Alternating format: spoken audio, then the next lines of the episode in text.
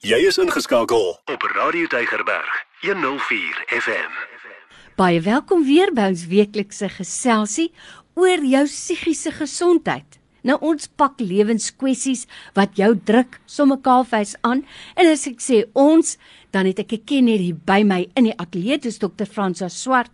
Hy's 'n pastorale en kliniese terapeut en hy help vir ons met insig en wysheid om by 'n punt te kom waar ons kan sê ons kies lewe.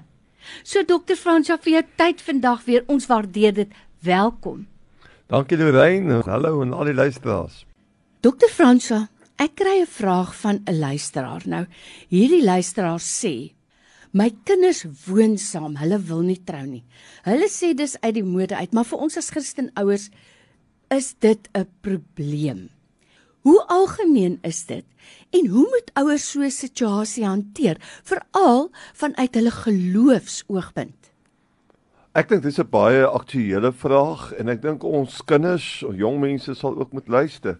Ek dink as 'n mens mooi luister na die vraag, is eintlik twee goed wat teenoor mekaar staan. Die ouers is belydende Christene en die vraag ontstaan, wat is die kinders? Is hulle volgers van Jesus? As hulle sê dat dit is sommer uit die mode uit, Met wie praat hulle? Is hulle besig om met die gemeenskap te praat?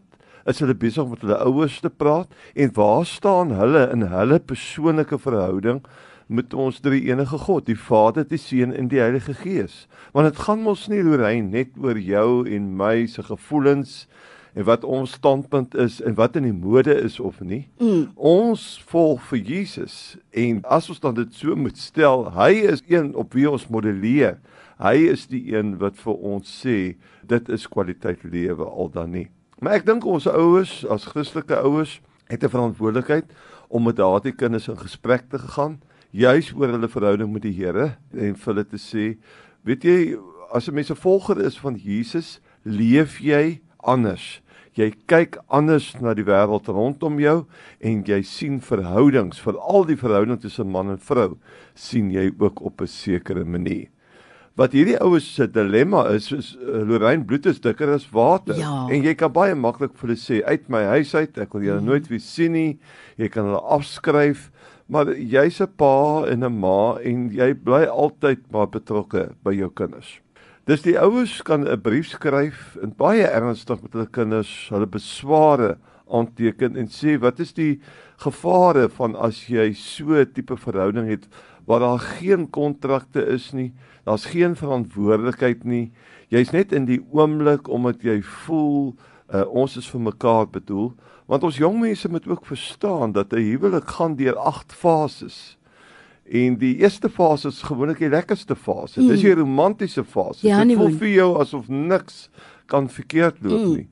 En uh, daarom is dit baie belangrik dat mense behoorlike gesprek sal hê En as jy saam met iemand inbeweeg in 'n permanente verhouding in terme van 'n lewensmaat opset, moet jy weet dit gaan gepaard met verantwoordelikhede. Nie net verantwoordelikhede ten opsigte van die persoon nie, maar ook jou verantwoordelikheid teenoor jou eh, geloofsgemeenskap, die gemeenskap in die breë en dat jy ook net eenvoudig respek het vir iemand anders.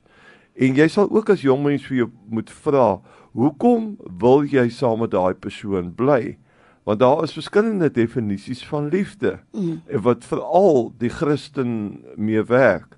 Ons werk byvoorbeeld met agape liefde wat dui op opofferende liefde, mm. dienende liefde. Baie keer is ons jong mense vasgevang in die eros liefde. Eros is die Griekse woord en daar's niks fout met die eros nie, maar die manier hoe daar na die liefde gekyk word is net vanuit die lens van uit die, die seksuele. Mm. Nou as jy net eros liefde beoefen sonder die agape liefde wat die opofferende liefde is wat ook verantwoordelikheid neem en jy jy gaan net vir die eros tipe liefde sonder die phileo liefde wat 'n derde een is dis vriendskapsliefde en dan kry jy op die ou en die vierde liefde dis storge liefde. Die Griekse woord is storge. Uh, dit is die liefde wat 'n pappa het uh, ouers vir sy kinders. Mm, en dit is wat in mm, hierdie vraag lê. Mm. want hierdie ouers is bekommerd oor hulle kinders. Ja. dis storge liefde wat besig is om hier te praat. Die kinders is op die oomblik by by eros tipe mm. liefde. mm En erosliefde, Lorraine, sonder agape liefde, opofferende soort van liefde. As jy net erosliefde beoefen, is jy eintlik besig met 'n baie oppervlakkige soort van liefde. Want ons verkies binne die Christelike etiek dat jy al vier liefdes gelyktydig beoefen. Met ander woorde, ons siening as Christene is dat jy het 'n verantwoordelikheid teenoor jou lewensmaat om vir haar of vir hom ook te sorg en sy belange eerste te stel, haar belange eerste te stel, 'n vriend vir jou geliefde te wees. Dit is die fileo liefde. Die wonderlike ding van getroude lewe is dat dit gaan gepaard met die eros liefde, maar die eintlike liefde wat ons soek en dit kom veral ook later as jy oud word, is dit die belangrike deurslaggewende liefde en dit is die opofferende mm. agape mm. liefde. Dis ek dink daai ouers moet regtig gaan sit met hulle kinders en sê dit is waaroor dit gaan. Dit is hoe ons voel. Ons sal julle nooit afskryf nie, maar julle weet nou hoe ons voel. Mm. Doen wat julle wil doen, maar julle moet weet dat on, dit dra nie ons goedkeuring weg nie en ons sal aanhou met mekaar oor hierdie saak moet praat. By my ateljee het ek vir dokter Franso Swart. Hy's 'n kliniese en pastorale terapeut en ons praat vandag oor 'n baie belangrike kwessie. Dokter Franso het daar so baie opgesluit dat ek regtig myself moet inhou om nie soos 'n masjiengeweer klomp goed te vra nie en te sê nie.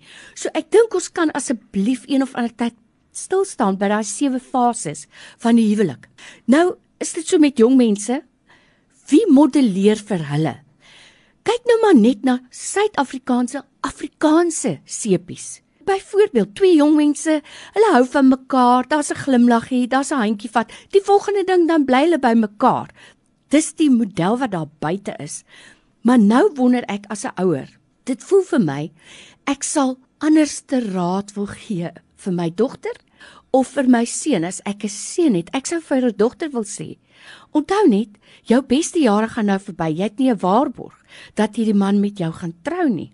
Hy kan enige tyd uitstap. Vir vir seun sal ek wil sê, jy is my seun. Ek wil nie hê jy moet 'n vrou se tyd mors nie. Ek wil nie hê jy moet haar beste jare vat en dan op 'n dag besluit ons woon nie meer saam nie. Want dokter Frans, so ek het nou geluister na statistiek op Focus on the Family nou die dag byvoorbeeld. Net 35% van huwelike waar mense voor die tyd saamgebly het, slaag. Is skrikwekkend. So, my vraag is en dis 'n goeie idee om 'n brief te skryf, maar vorentoe Nou, in hierdie verhouding, as kinders weet hoe ouers voel, kan daar nie dalk wrywing ontstaan nie en ouers dalk bang voel my kinders skryf my net nou dalkies af nie. Ek dink dit is presies hoekom hierdie vraag aan ons gevra word. Mm. Die ouers wil standpunt inneem, maar hulle wil ook nie hulle kinders verloor nie. Mm. En uh, dit is die ding waarmee hulle stryd voer. Maar ek dink hulle moet getrou wees aan hulle oortuigings en dit duidelik vir hulle kinders kommunikeer en dan gaan jy op weg met daai kinders en um, van tyd tot tyd praat jy weer daaroor maar jy, jy probeer dan hierdie verhouding laat werk binne die riglyne wat ons nou oor gepraat het. 'n mm. Ander argument dink ek wat baie keer kom by saamboners is dat hulle sê maar dit gaan ons nie oor die papier nie. Jy mm. praat nou van 'n dokument mm. en dat 'n vrou aan die kortste end trek. Ons moet weer daaroor gaan dink, ons jong mense. As jy in 'n formele kontrak gaan wat deur 'n prokureur nagesien is, jy trou in die gemeenskap, het jy 'n verantwoordelikheid teenoor die gemeenskap. En as jy in 'n kerk trou, het jy mense wat getuie is van Dis jou recht. band. Dit is nie net jy en hierdie dametjie mm. of die dametjie en hierdie ou nie. Dis nie net julle dingetjie nie. Jy weet dan 'n hele gemeenskap weet julle het trou mm. aan mekaar mm. beloof. En dit maak dan vir jou baie versigtiger om sommer net as een Saterdag aand dinge nie lekker werk nie, dan vat jy jou goed en loop. Dis nie so maklik as jy kontraktueel verbind is aan mekaar nie, want daar is sekere konsekwensies as jy uitloop. As jy in 'n saamwoonverhouding is, is daar byna geen konsekwensies mm. nie alhoewel die regsmense sê nou deesdae vir ons as jy langer as 2 jaar of wat ook al bly by 'n persoon begin daar regs prosesse in spel hmm. kom hmm. Wat die ander persoon dan kan opneem as die ander persoon net uitstap op hom. Die regte ding om te doen is om vir jouself uit te vind ek is lief vir hierdie persoon. is ek bereid om hierdie persoon ook te dien met my lewe, verantwoordelikheid te neem vir hierdie persoon en soos 'n soos wat Jesus wil hê ek man of vrou vir daai persoon moet wees. Is dit hoe ek die liefde wil beoefen? Dit gaan nie oor die mode nie. Dit gaan oor waar staan jy met Jesus. Dokter Frans, ek weet ons het van tevore al gepraat daaroor en ek sê sommer vir ons luisteraars ook, gaan loer gerus op die webtuiste myhulp.co.za en dan gaan jy sommer van ons programme ook kry. Ai vir jou tyd vandag, Dokter Fransa, dankie, ons waardeer dit. Dankie Lorraine en groetnis aan al die luisteraars. Dankie Lorraine en sterkte vir die liefde vir elke luisteraar. Elke dag jou nommer 1 keuse. Radio Deugerberg 104 FM.